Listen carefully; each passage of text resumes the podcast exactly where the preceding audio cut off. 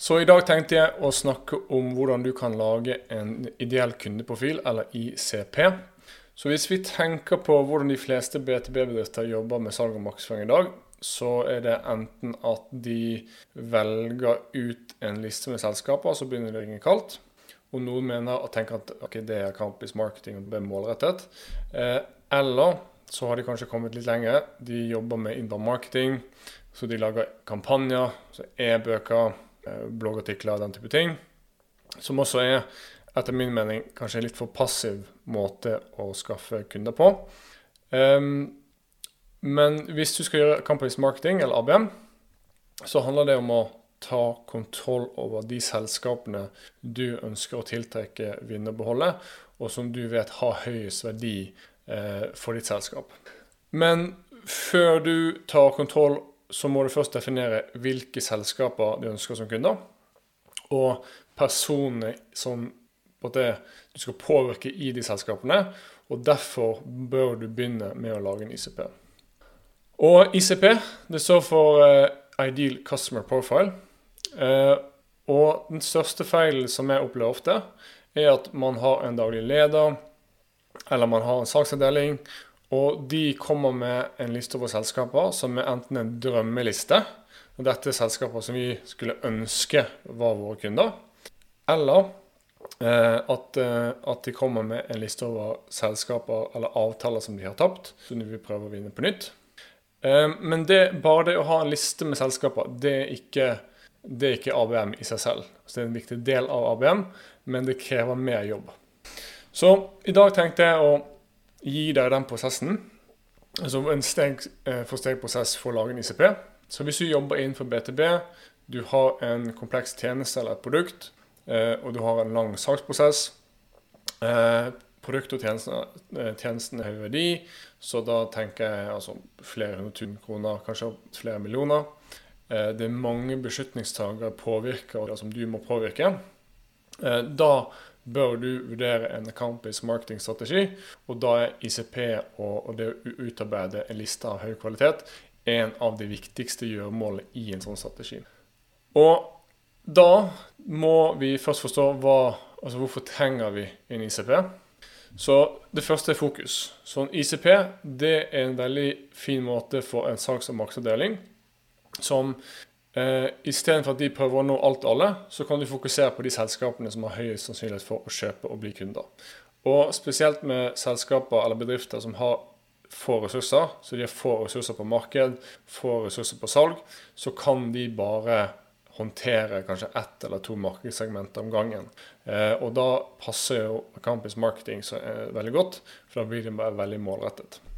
Um, og resultatet er at man kan bruke sin, eh, sine ressurser og sin tid og sin energi på de selskapene som eh, har muligheten til å både resultere i, i eh, avtaler av høy verdi. Og hvis du har en ICP klart og, klart og tydelig definert, så blir det enklere for salg å prospektere. Det blir enklere for marked å, å, å målrette sine annonser. Og innholdet kan bli mer relevant for den måten du går etter. Og så er det personalisering. Så vi hører jo at eh, personalisering er viktig, men hva er egentlig personalisering i praksis? Så det du må forstå, er at hvert markedssegment er jo unikt. De har ulike behov, ulike måter å kjøpe på. Så du kan ikke lage en sånn gjennomsnittskundeprofil eh, som er på et tverrsnitt av alle kundene dine. Du må lage en, eh, en ICP der du tilpasser budskapet til et bestemt markedssegment eller rolle. Og det vil igjen la deg tilpasse innholdet, annonser, budskap og nettside til hvert segments utfordringer og mål. Og så har vi kanalvalg. Så eh, hvor bør du annonsere? Eh, hvor skal du publisere innhold? Er det LinkedIn? Er det YouTube? Skal du ha en podkast? Er det Reddit? Er det gjesteartikler? Så med en ICP så kan du måte eliminere de spørsmålene og du kan finne ut hvilke kanaler som dine potensielle kunder eh, altså Hvor de gjør sin research, hvor de finner informasjon, hvem de følger osv. Og, og denne informasjonen kommer gjerne fra å snakke med kunder og spørre om deres kjøpsprosess. Og så, eh, så har vi kvalifiserings- og diskvalifiseringskriterier. Så Da er spørsmålet hvordan kvalifiserer du eller diskvalifiserer du leads? Og hvis du har en tydelig definert ICP, eh, det er veldig tydelig for deg hvilke personer som du skal på en måte slippe inn i din saksprosess. Fordi at når du jobber med ABM, så må du være veldig selektiv. Det krever mye ressurser, det krever mye tid. Eh, og da er det like viktig å diskvalifisere og få på det folk ut av en saksprosess tidlig. Så, eh, det er like viktig som at du kvalifiserer personer inn. Så spesielt med større avtaler så er det viktig å kvalifisere folk ut raskt, sånn at du ikke kaster bort deg og dine kollegaer sin tid på, på selskaper som alle. Og siste punkt er jo at du får mer ut av budsjettet. Så vi, når vi gjør en ABM-satsing, så prøver vi å ta i bruk 80-20-prinsippet. Så 80% av omsetningen kommer fra 20% av kundene. Så hvis vi tar utgangspunkt i å vi ser på våre ti beste, mest lønnsomme kunder, så ønsker vi å finne flere som ligner på de. Og istedenfor å ha salg eller daglig leder bare komme med en svær liste på 500 eller 1000 selskaper, så kan vi kanskje eh, gjøre den Vi kan eh, legge til noen ekstra kriterier eh, og snevre det ned til f.eks. 200 selskaper. Sånn at vi har en, en mer snever, mer målrettet liste. Og når du skal sette strategien og lage kampanjer og, og, og, og begynne å gjennomføre markedstiltak, så eh, hvis du skal annonsere, så annonserer du kanskje kun mot de selskapene. Og du annonserer ikke mot selskaper som ikke kommer å kjøpe. Um, du kan liksom laste det opp til LinkedIn for eksempel, og gjøre det. Så det neste spørsmålet er hva er en eh, ideell kundeprofil eller ICP? Um, ehm, og det med å bare lage en drømmeliste, det høres jo bra ut i teorien. At man har jo flere muligheter man har å jobbe med, jo, jo bedre. Uh, så da går man på Proff eller på Bisnode, og så bare eksporterer man de selskapene, og så er man ferdig. Uh, men dette er jo ikke en veldig datadrevet eh, tilnærming. Det er ikke så veldig mye kvalitet i en sånn liste. Det er ikke så mye verdi i seg selv. Og du skal ikke bare gå etter alle som potensielt kan kjøpe fra deg. Så du må basere listen din på de eh, basert på hvem som har høyest sannsynlighet for å kjøpe fra deg. Så når du leser begrepet ICP, så står det for ideell, altså beste, eh, kunde, så basert på dine eksisterende kunder, og så profil. Og det beskriver mer eh, hvem eh, de er, hvor de er, hvordan de kjøper osv. Og, og det er mye bedre at du har en mindre liste, slik at du ikke mister fokus, og at du fordeler ressurser og tid på at du ikke eh, fordeler ressurser og, og tid på for mange ulike selskaper, for da ender du ofte opp med noen av målene dine. Og når du gjør Campus Marketing og du, du fokuserer på en ICP, så gjør du egentlig mange av taktikkene som du sikkert allerede gjør. Så hvis du har eh, Du gjør inbound marketing, du gjør innholdsmarkedsføring, sosiale medier, du skriver kalde e-poster Alle de taktikkene, det kan jo være eh, account-based. Eh, men forskjellen er at når du bruker de taktikkene, så har du på en måte eh, en mer snev, snever målgruppe, og du krever mer personalisering når du jobber med markedsføring. Og når du jobber med ABM, så er det en veldig tidkrevende prosess. Så du klarer kun å håndtere en viss mengde av gangen, eh, avhengig av hvor mannskapet du går etter. Men den første del av prosessen det er at du tar utgangspunkt i eksisterende kunder. Og du må identifisere hva som kjennetegner dine beste kunder, slik, at du kan finne flere av dem. Så de første stegene det er at du logger inn i ditt CRM-system, om det er HubSpot eller SuperOffice eller Salesforce. Og så eksporterer du alle avtalene i CRM-systemet, sånn at du får din Excel-fil. Um, og så sorterer du de avtalene etter inntekter. Så hvilke selskaper ga flest inntekter til ditt selskap. Og Deretter så må du velge ut de som er de beste kundene. Det er jo gjerne på omsetning eller inntektene og hvor lønnsomme de var. Og Deretter så må du begynne å kartlegge informasjon om dine beste kunder. Så la oss si at du velger ti av dine beste kunder. Eh, det bør være nok. 10-15 er maks. Og Først så ser du på standardkriterier. Så Standardkriterier det vil f.eks. være markedssegment. Så Hvis du går på Poff, så det, det vil det være denne NACE-bransjekoden. Det kan være omsetning, antall ansatte, lokasjon, teknologi du bruker. Slik at du finner på de fellestegnene som, som, som alle de selskapene har til felles. Og så har du noen ustandardiserte kriterier. Så Det er jo gjerne informasjon du ikke finner i en offentlig database, men som måtte gi deg et ekstra lag med segmentering. Så f.eks. du leter etter kanskje selskaper innenfor en viss bransje som har bygget sin, sin tjeneste på Asher-plattformen. Eh, det kan være at de annonserer på Google for over 100 000 i måneden. Eh, de bruker Microsoft ERP. Eh, for vår del så er f.eks. en av de kriteriene at de er salgsledet. Dvs. Si at de, de, selger en tjeneste eller et produkt som, der salget må foregå offline. Så vi hjelper å generere et lead, og så må vi overlevere det leadet til en salgsavdeling.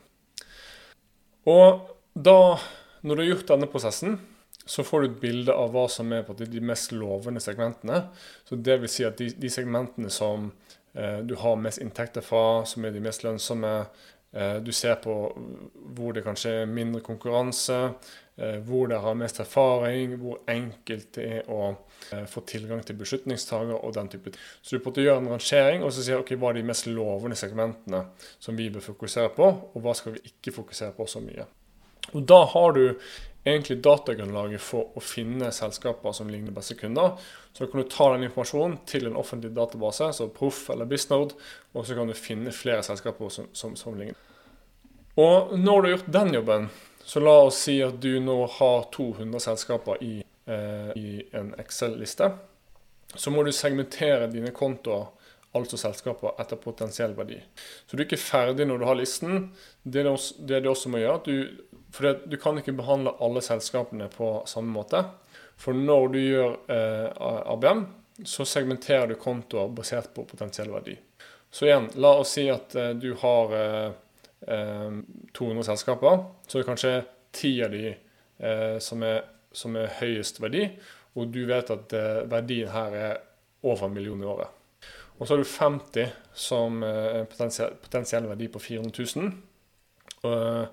Og så de resterende 140, de er verdt 100 000 i år. Og hvis du skal selge til eh, et selskap som er verdt 1 eh, million, så eh, vil det, gjerne være større selskaper, det vil være mer krevende å selge til dem. Så det krever mer tid, det krever mer personalisering. Så du kan si at de selskapene på nivå 1 de, de er på nesten som et eget marked, mens de selskapene på nivå 3, de eh, kan du Du trenger kanskje ikke personalisere så mye. Du vil f.eks. kjøre LinkedIn og en spesiell bransje. Det kan være sånn typisk taktikk eh, mot det eh hvis du har en sånn én-til-mange-strategi. Men eh, jo, jo, høyere verdi, jo flere ressurser krever det fra salg, fra marked og fra kundeservice og det krever eh, mer personalisering. Så segmenter deretter dine kontoer basert på potensiell eh, verdi, der det øverste nivået, nivå 1, er det mest verdifulle. Det neste steget er å definere kjøpergruppen. Så når du har en rekke selskaper importert i CRM-systemet, så det neste steget er da å definere hva som kjennetegner individene inn i disse selskapene, og på det, hva er deres rolle, hva er deres titler i disse selskapene. Så igjen så må du basere dette på dine eksisterende kunder. Og du trenger å forstå de ulike kjøperrollene. Og Den ene rollen som nesten alle går etter, det er jo beslutningstagere.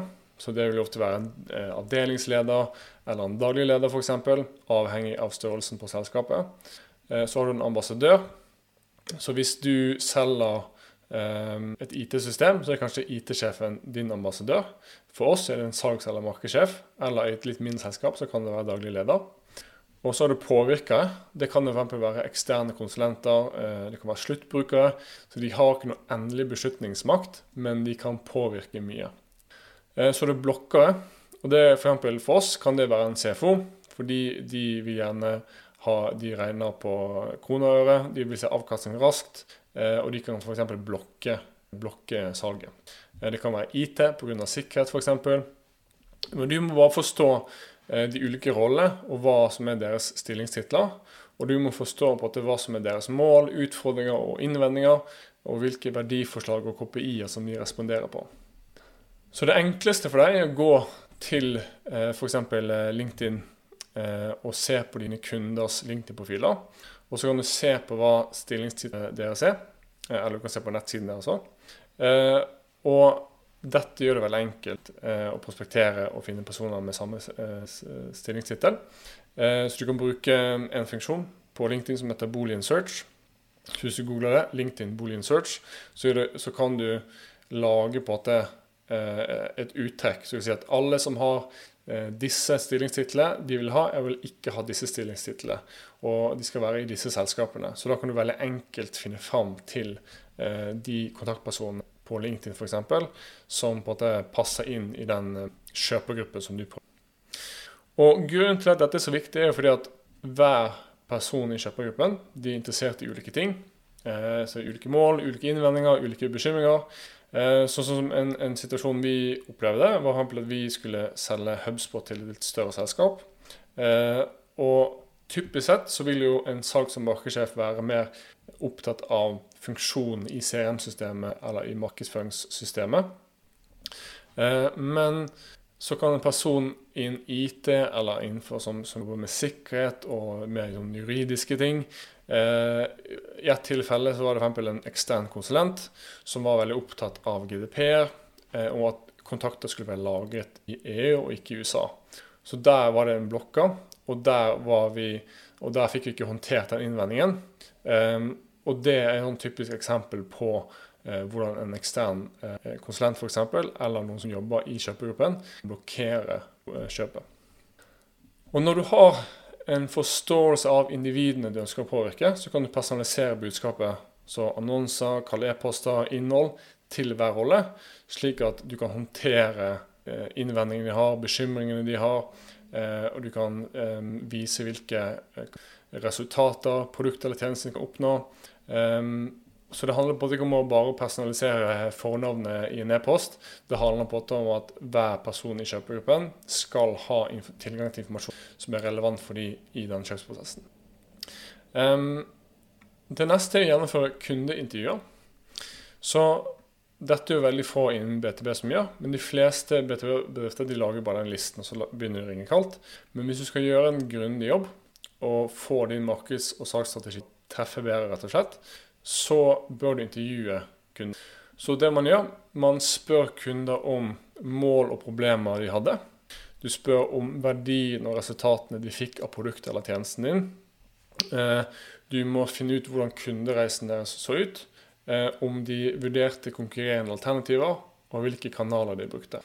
Og det vi ønsker å forstå med kundeintervjuer, er hvordan kommuniserer vi på nettsiden vår hva slags innhold ønska de? Hva slags informasjon eh, manglet på nettsiden vår?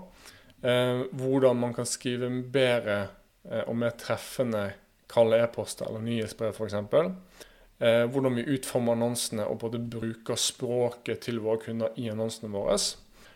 og hvordan kundereisen så ut. Så hva, når var, ble de ulike kjøperne involvert, og hva var stegene de, de tok? Og det gir oss en forståelse av okay, hvordan kan vi påvirke hver av disse kjøperne eh, på disse ste ulike stegene i kjøpsprosessen, og om det er på en noen av stegene som, der det var friksjon, eller der vi manglet eh, relevant informasjon, f.eks. Så det var egentlig det jeg hadde rundt det å lage en ICP. Eh, så jeg håper det var hjelpsomt. Så du, du, du, baserer, du baserer, en ICP på dine beste kunder. Ikke lag en generell profil som bare beskriver alle kundene dine. Ikke basert på antakelser. Ta utgangspunkt i dine beste kunder. Eksporter de. Finn ut hva som kjennetegner dine beste kunder, og det la deg finne, ut, eh, la deg finne flere av dem.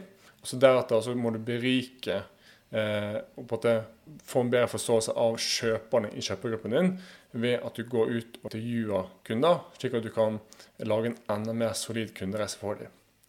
Så det var alt. Håper det var hjelpsomt. Eh, hvis du ønsker å være med på Netly Live eh, neste uke, så bli gjerne med klokken syv til åtte hver onsdag. Eh, gå inn på netly.no slash live for å melde på. Håper at